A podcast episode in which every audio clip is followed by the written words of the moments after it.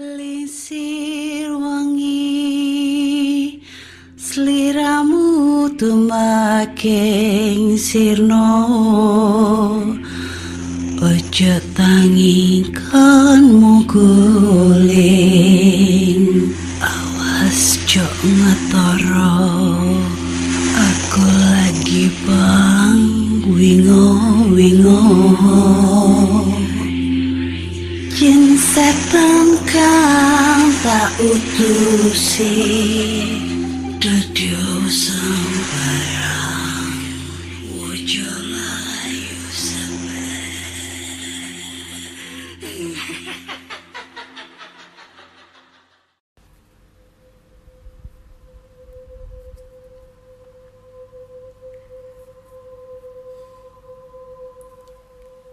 Assalamualaikum warahmatullahi wabarakatuh. Selamat datang di podcast kisah horor.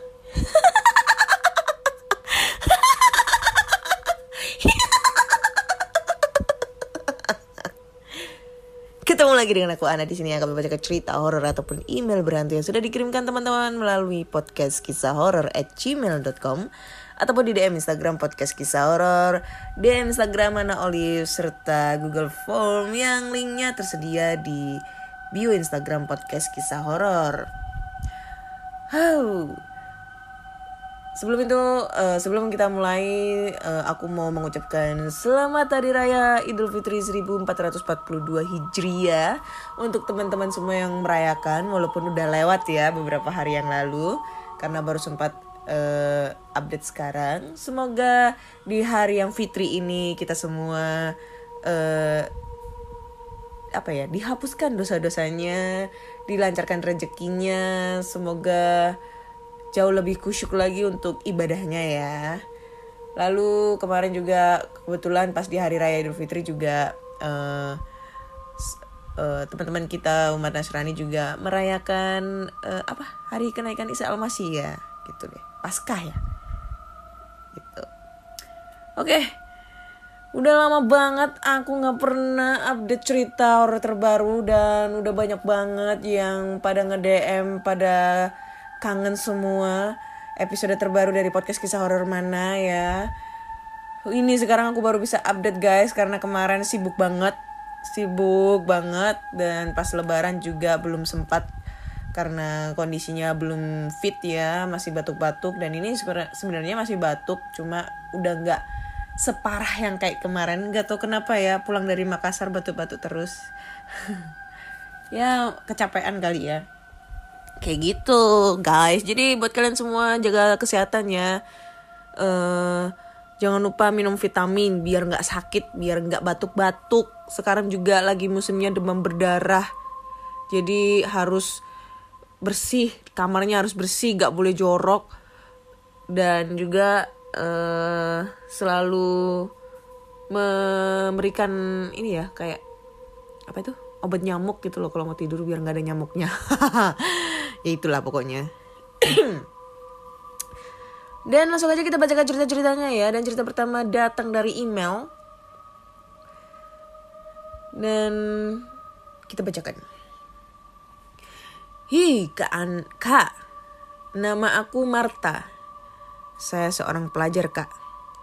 Jadi aku mau cerita kalau di rumah bude aku tuh banyak yang menjaga atau kita bisa bilang banyak yang tinggal di sana. Ya maklum lah. Kalau rumah bude aku tuh rumah lama dan Pak Deku tuh suka nyimpen barang-barang antik. Dan pasti ada isinya. Nah, waktu itu Pak D dan Bude aku mau ke Malaysia. Ya udah, saya dan keluarga saya tinggal di rumah Bude dan pada saya mau man pada saat saya mau mandi saya mandi dengan rasa takut. Karena terlihat sangat seram. Dan waktu saya mandi tiba-tiba dengar ada orang berjalan di belakang ruang kamar mandi itu. Dan aku berus- berusaha berpikir positif sampai aku selesai mandi Aku tanya mama dan papa yang ada di kamar. Aku tanya nih, Mah, Pah, tadi ke belakang ya? Kataku. Lalu apa yang mereka jawab? Enggak kok. Dari tadi kan mama sama papa di kamar. Ya udah, aku tanya kakak aja. Kak, tadi ke belakang. Tanya aku. Lalu kakak jawab. Enggak kok. Kan kakak dari tadi belajar di meja makan. Ya, terus aku spontanitas dong, mikirlah. Tadi, siapa yang tadi ku dengar jalan-jalan di belakang? Pikirku, apa ya? Pikirku. Jadi kejadian itu masih menjadi misteri bagiku.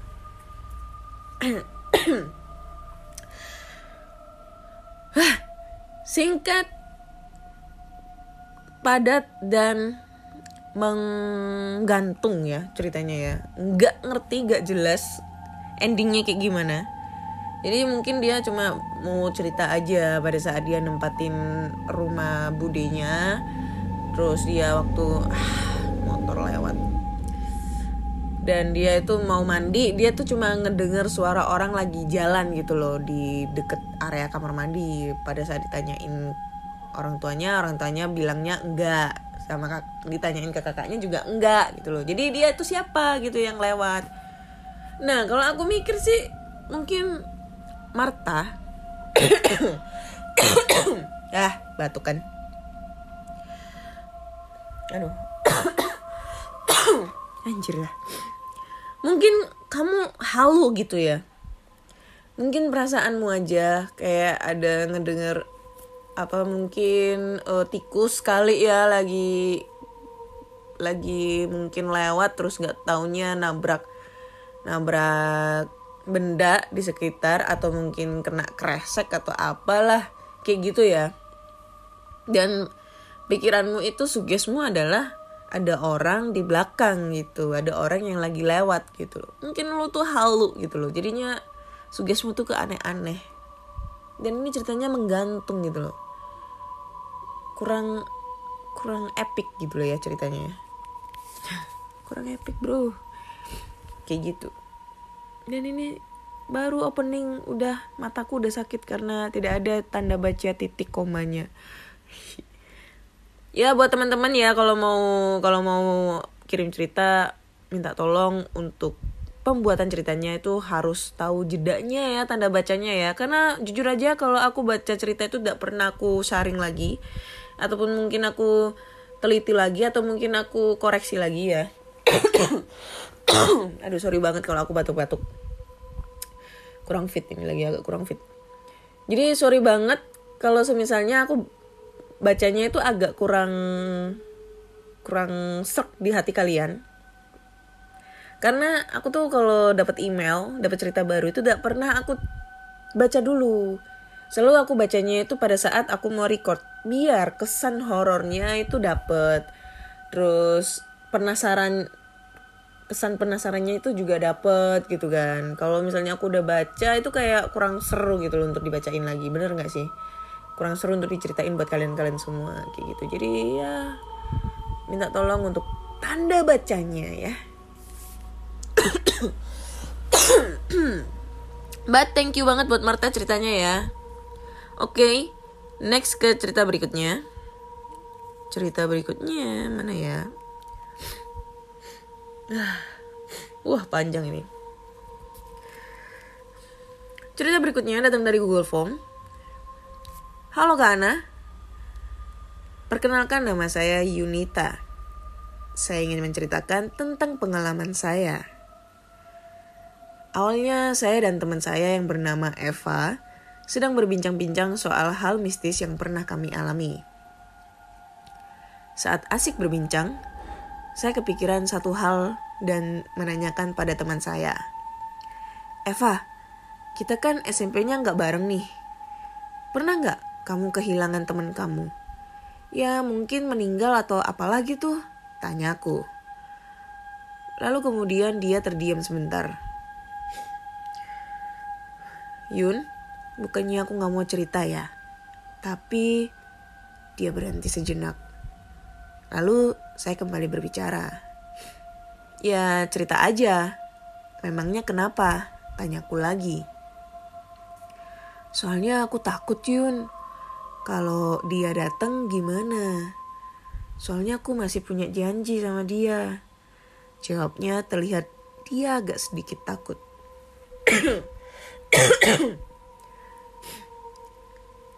Cerita aja kenapa sih? Gak usah takut.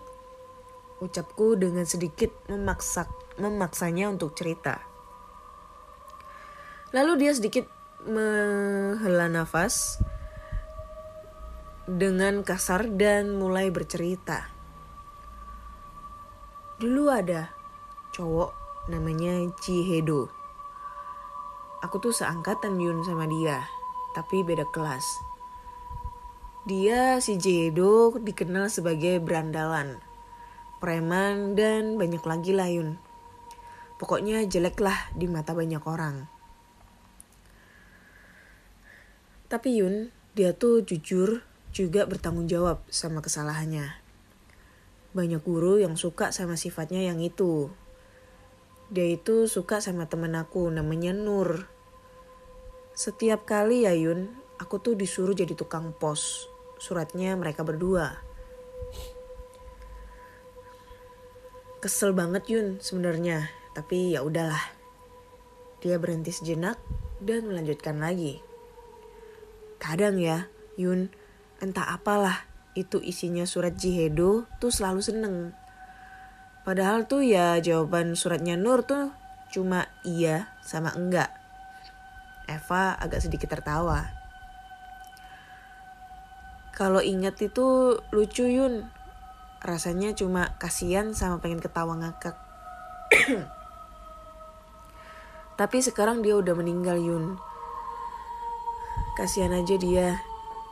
Padahal dulu Jehedo sama Nur tuh saling suka Yun. Ta tapi Jehedonya salah. Masa gu Oh masa gini dia bilang. Nur, kalau kamu mau jadi pacarku, aku janji bakalan berubah ya.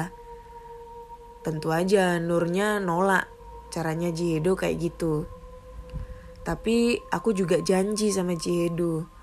Apa pun nantinya yang bakalan terjadi, aku mau bikin mereka bisa bareng, ya pacaran gitulah. Raut mukanya sedih. Lalu aku bertanya, memangnya dia meninggal tuh kenapa? Tanyaku. Lalu Eva menjawab, kecelakaan Yun. Pas dia pergi mau pergi main. Jawabnya. Kepalaku mulai sedikit pening. Bayangan-bayangan sekilas sosok laki-laki memenuhi pikirku. Kebetulan kami terdiam. Eva sibuk memainkan jarinya lalu memandangku. Aku melihatnya seperti terkejut dan ketakutan. Kemudian ia berucap, Astagfirullah, berulang kali sambil meminta maaf dan menyebut nama Jihedo. Tentu saja saya bertanya kenapa dia ketakutan.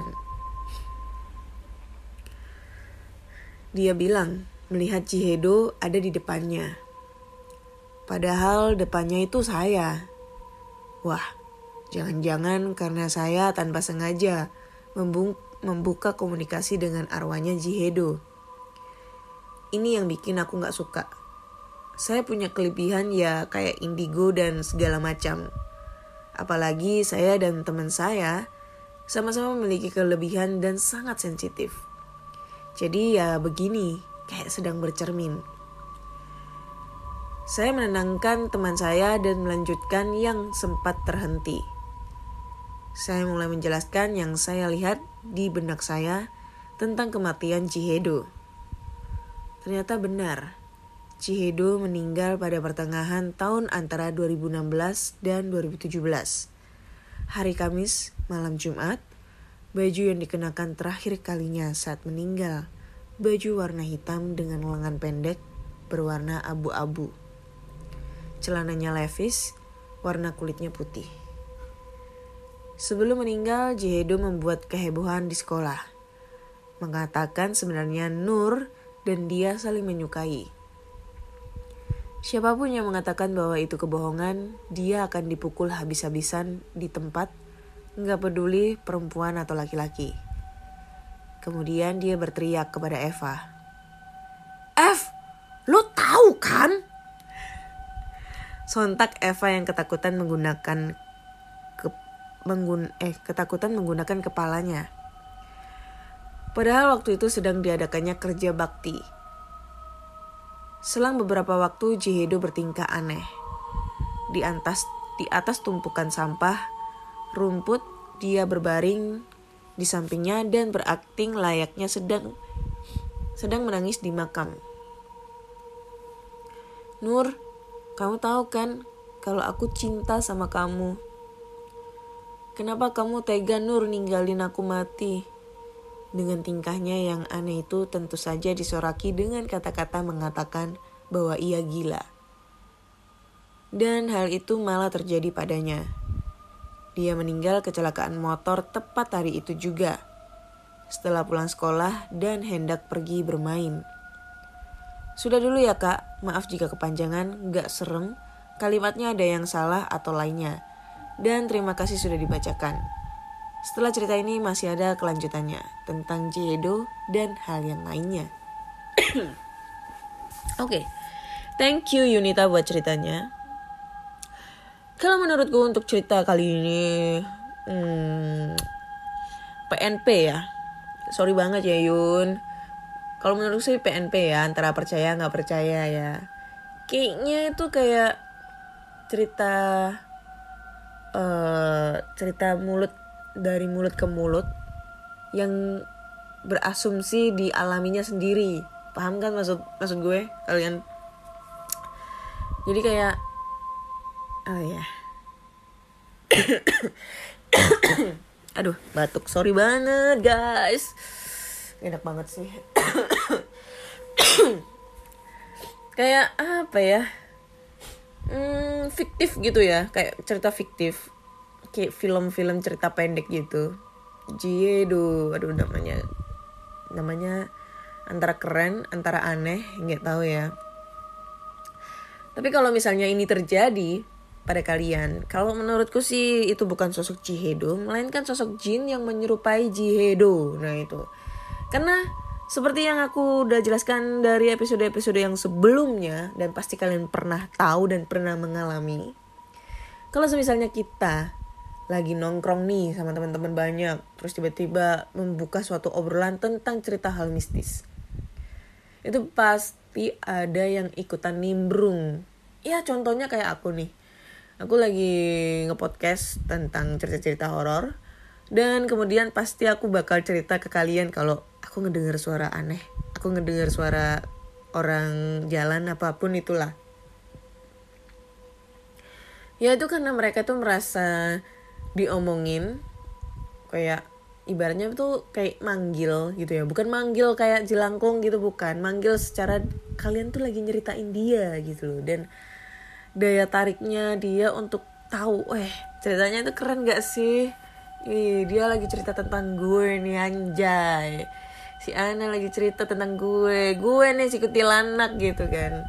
Kayak gitu. Jadinya kayak nimbrung dan akhirnya menimbulkan suatu uh, apa ya?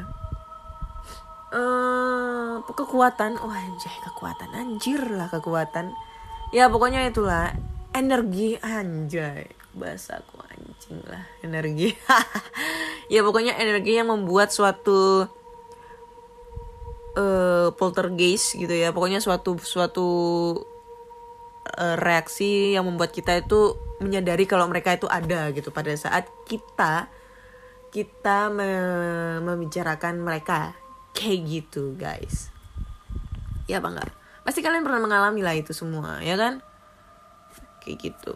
Dan kalau menurutku nih sih serem enggak. Kayak kurang greget. Dan itu menurutku ceritanya tuh dari mulut ke mulut gitu. Bukan pengalaman diri sendiri kayak gitu deh aduh sumpah batuk guys. Kalau kalian tahu obat batuk yang manjur tapi bukan sirup ya apaan? Please tolong DM gue. Gue capek batuk terus sumpah deh. Oke. Kita lanjut ke cerita berikutnya. Cerita berikutnya. Ya, pilek juga. Halo Kak Ana. Aku mau cerita nih. Saat itu saya dan teman-teman saya Ini udah belum ya? Oh belum. Mempunyai rencana pergi perpisahan ke Yogyakarta selama tiga hari. Saat saya mengadakan perpisahan tersebut, saya semua kelas saya kompak mengikuti perpisahan tersebut. Saya berangkat tanggal 3 tanggal 14 Agustus dan saat itu saya menaiki bus pariwisata H bintang BA. Apaan tuh H bintang BA? Gak tahu. Dari Pasar Minggu pukul 3 sore melalui jalur Pantura. Saat bus saya sampai di jalur Pantura sekitar malam hari, perasaan saya mulai tidak enak. Dan saat berhenti di beristirahatan, bus HBA di daerah Salatiga. Eh, gimana gimana? Saat bus saya sampai di jalur Pantura sekitar malam hari, perasaan saya mulai tidak enak saat berhenti di beristirahatan di daerah Salatiga. Saat itu saya pergi ke toilet untuk sekedar cuci muka untuk menghilangkan kantuk di benak saya. Selesai saya cuci muka, saya melihat ada seorang bapak masuk ke dalam toilet dan tak kunjung keluar.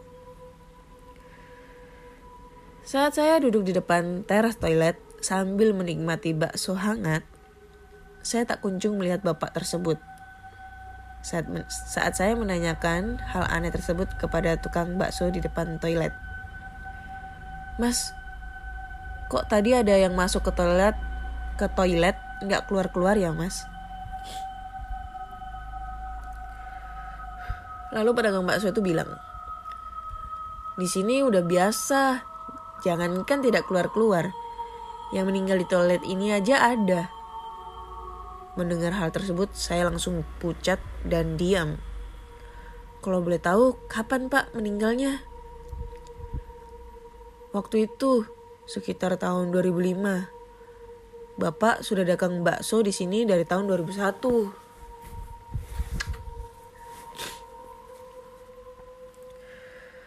Mendengar hal tersebut, saya langsung bergegas masuk ke dalam bus untuk lekas tidur. Dan saya langsung membayar bakso bapak tersebut dengan uang 20 ribu tanpa meminta kembaliannya. Wih, sombong lu ya. ya emang lu beli 20 ribu kali ya.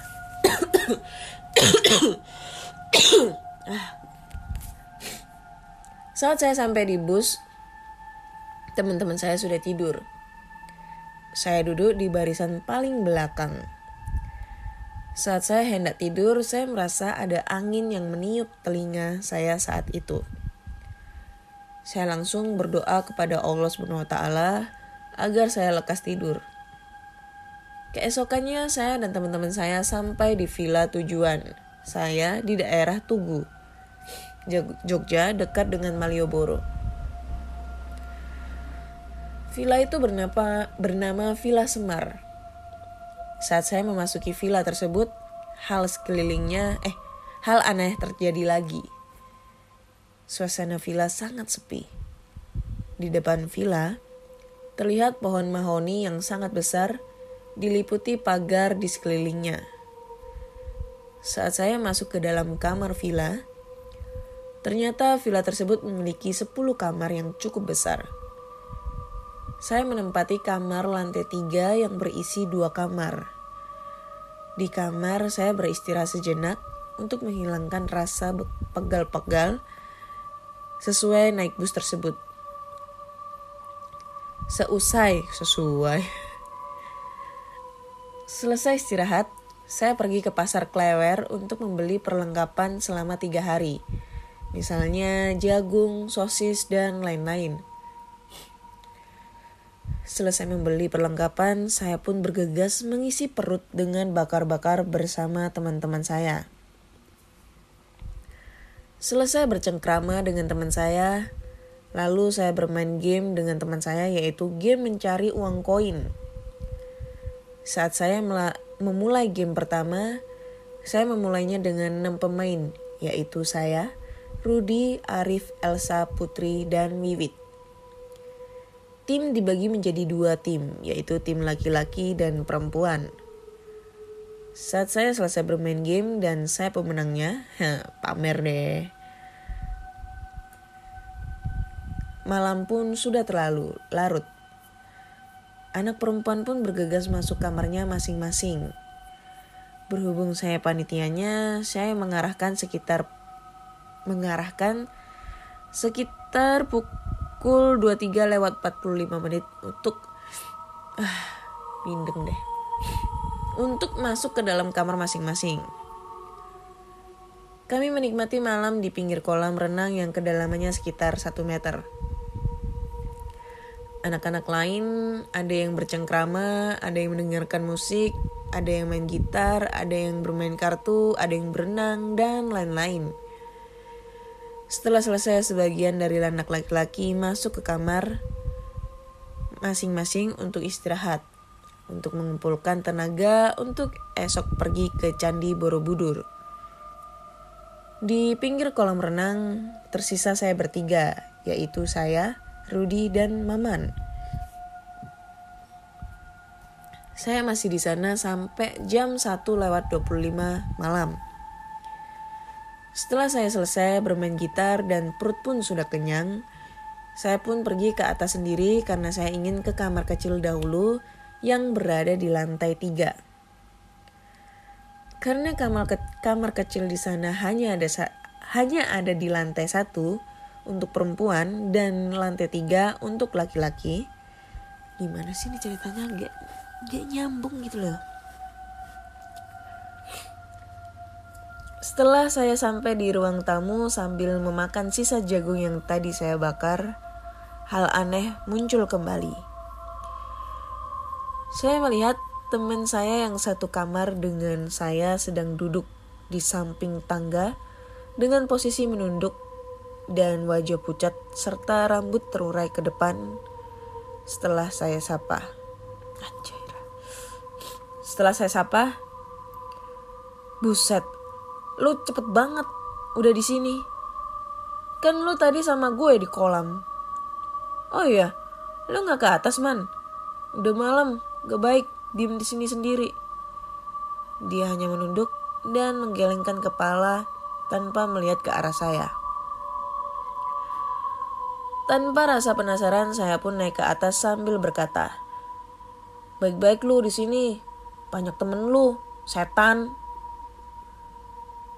Sesampainya saya di kamar kecil, saya buang air kecil dan hal aneh terjadi lagi saat pintu saya kunci.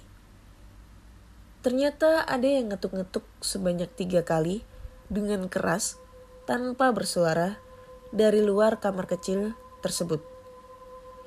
Tanpa saya hiraukan, saya teriak. Sabar woi, udah malam, jangan berisik. Saat saya keluar, saya tidak menemukan siapa-siapa di luar. Saya langsung menuju kamar saya. Setelah saya lihat, setelah saya lihat kamar saya, ternyata nggak ada siapa-siapa. Saat saya baru menaruh gitar, saya melihat dua teman saya datang ke kamar saya dengan perasaan dengan perasaan takut. Dia berkata, "Buset, lu kan tadi ditinggalan. Kenapa ada di sini? Saya menjawab, ngaco lu. Eh, gimana sih? Buset, lu tadi kan di tangga. Oh, lu tadi kan di tangga, Han. Kenapa ada di sini, Angela? Oke, okay, oke, okay, thank. Sorry, sorry. Lalu saya menjawab, ngaco lu. Saya tadi ke toilet, ada yang ketuk-ketuk. Lu ngerjain ya? Lalu Herman berkata, Lu tadi ada di bawah, Han. Di tangga. Muka lu pucat. Gue tanya, cuma geleng-geleng. Lalu saya menjawab. Lu yang tadi di bawah, man. Di tangga. Saya tegur juga gak nyaut-nyaut, cuma geleng-geleng. Seriusan lu?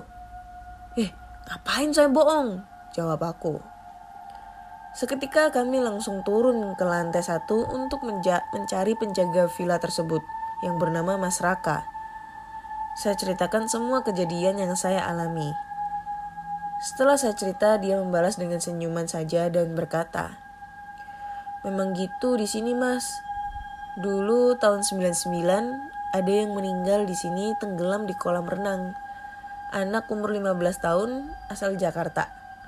Makanya saya saranin kalau mau bermalam di sini atau di kolam renang maksimal sampai jam 10 biar nggak nggak diganggu. Seketika saya langsung ketakutan serta bulu kuduk merinding. Saya pun minta ditemani Mas Raka untuk satu kamar denganku. Hehehe. Karena aku ketakutan. Mas Raka menjawab. Yowis, Ya baca bismillah saja ya mas. Insya Allah nggak diganggu lagi. Seketika saya menuruti perkataan Mas Raka. Sampai hari terakhir saya di villa, saya masih bisa mengingat momen yang tak terlupakan dalam hidup saya. Cukup sekian dulu kak cerita dari aku. Thank you banget udah dibacakan. Maaf jika kata-katanya nggak nyambung dan panjang ceritanya. Ya, thank you banget Han.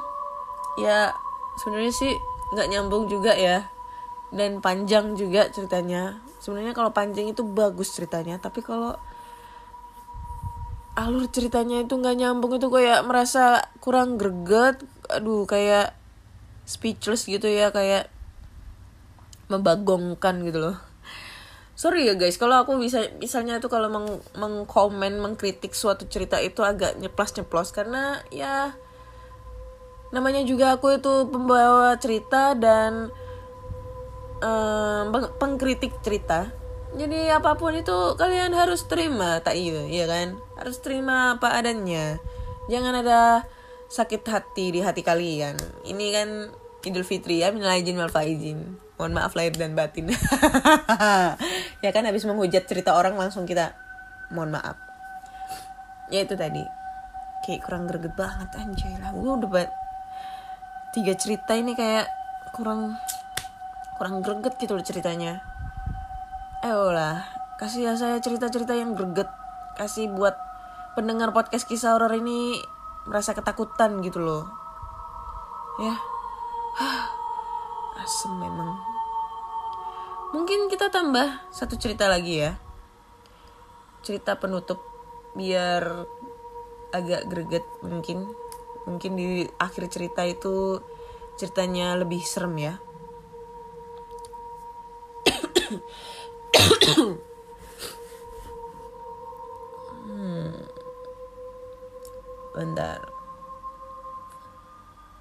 Oke.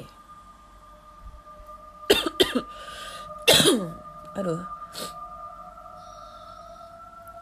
Bentar, bentar. Aku lagi mencari cerita.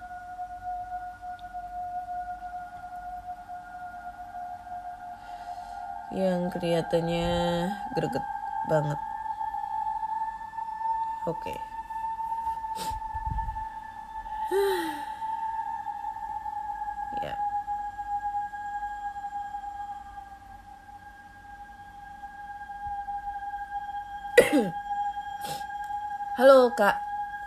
Kali ini aku mau cerita tentang kisah nyata aku saat pertama masuk pesantren.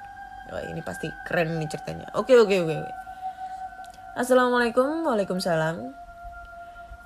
Cerita horor ini berawal saat aku masuk pesantren. Nama aku Eva kak, dari Sukabumi, Pelabuhan Ratu. Halo Eva. Waktu saya baru dua minggu di sana, teteh-teteh yang satu kobong, satu kobong tuh bi apa ya, satu pesantren kali ya, bilang kalau di sini setiap tahunnya selalu ada kesurupan massal dan itu sangat rutin terjadi. Tidak terasa kami mengobrol sangat jauh hingga sekitar jam 10 belum juga tidur.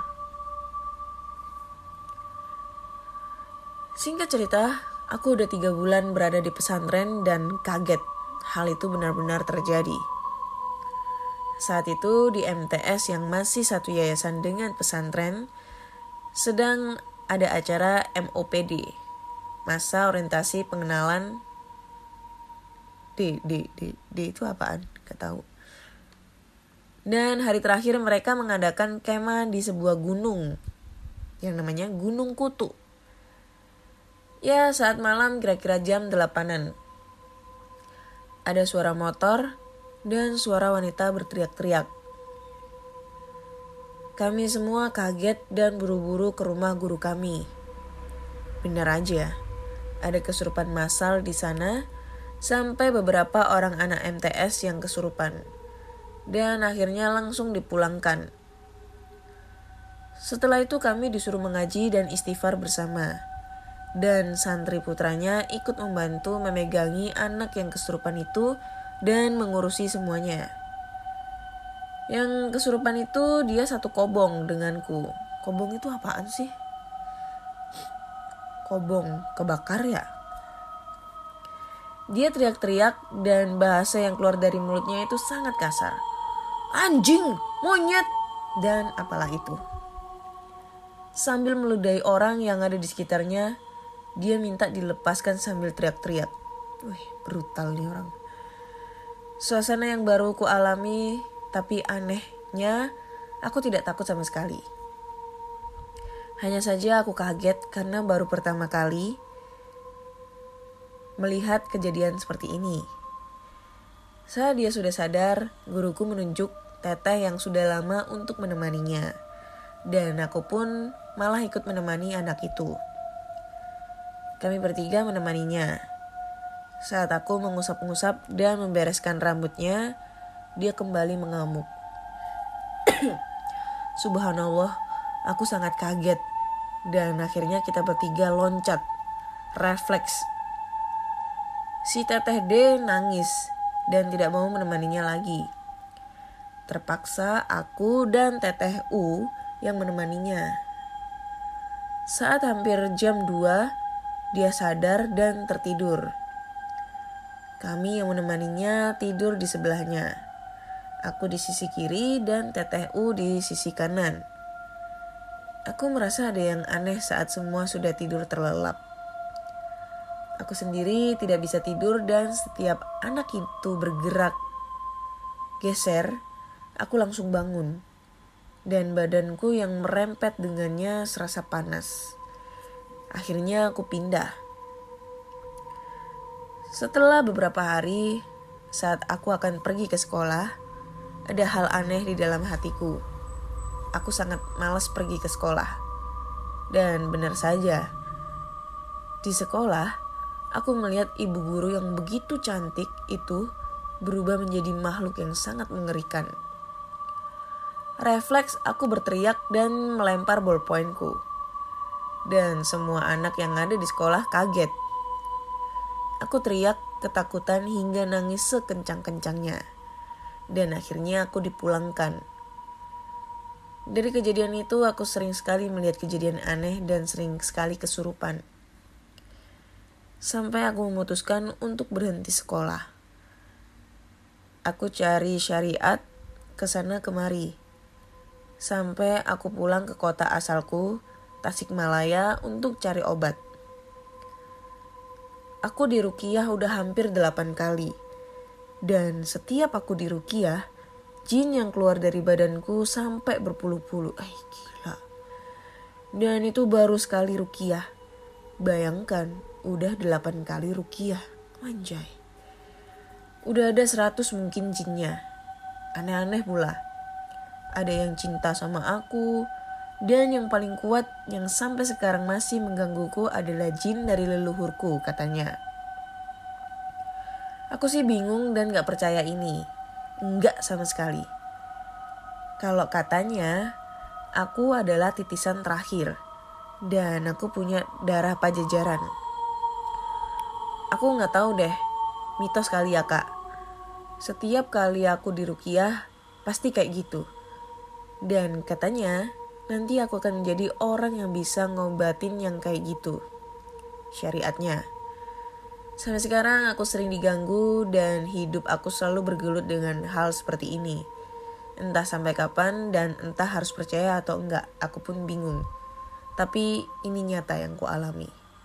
Thank you kak, udah dibacain. Lain kali aku akan cerita tentang pengalaman hororku yang lainnya. Oke, okay. Thank you Eva buat ceritanya.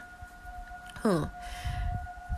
Cerita terakhir yang sangat agak serem banget dan sebenarnya dia tuh percaya nggak percaya tapi kalau menurutku sih kalau menurutku yang dia kata dia bisa mengobati ke depannya maksudnya dalam arti di masa depannya dia bisa mengobati secara syariatnya maksudnya kayak ya kayak pengobatan alternatif atau apalah gitu ya.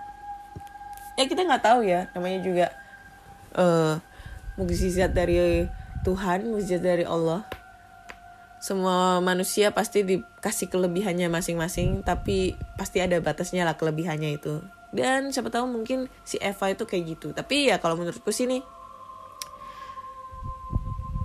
uh, mitos kali ya. Apa ya ibaratnya itu kayak kamu tuh dikasih omongan seperti ini supaya kamu bisa tersuges tersuges dan terpikir terus menerus hingga kamu esok esok itu men, apa ya dewasa itu punya pemikiran se seperti itu sehingga kamu berusaha apa ya bukan berusaha kayak mencoba sesuatu hal yang pernah di, dikatakan orang-orang terdahulu yang pernah merukiah kamu sehingga sesuatu hal yang kamu apa ya ibaratnya eksperimenmu itu menjadi kenyataan tapi sebenarnya sih itu biasa aja.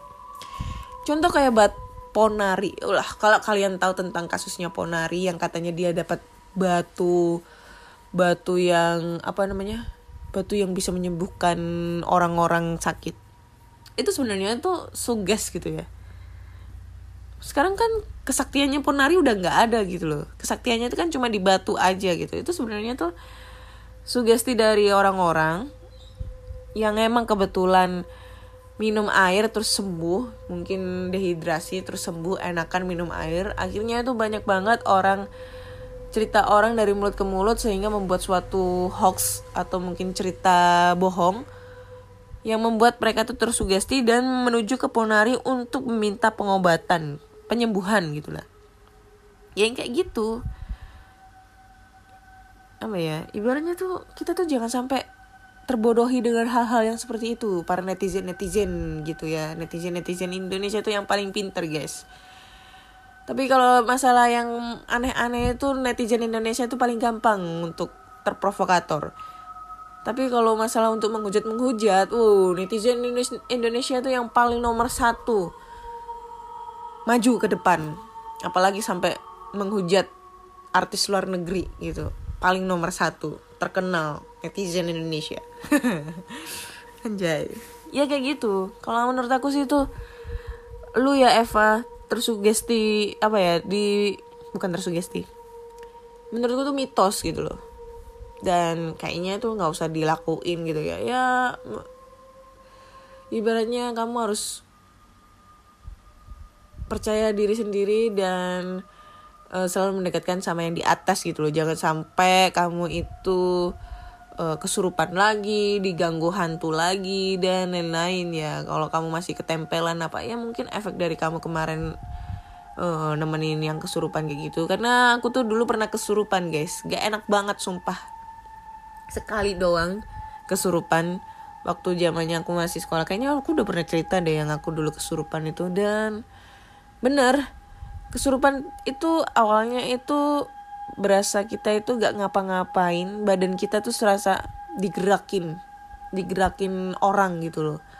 Waktu itu aku kesurupannya itu agak setengah sadar gitu agak setengah sadar dan kayak berasa kayak tanganku itu digerakin orang kakiku tuh digerakin orang kayak ada yang gerakin gitu loh badan aku.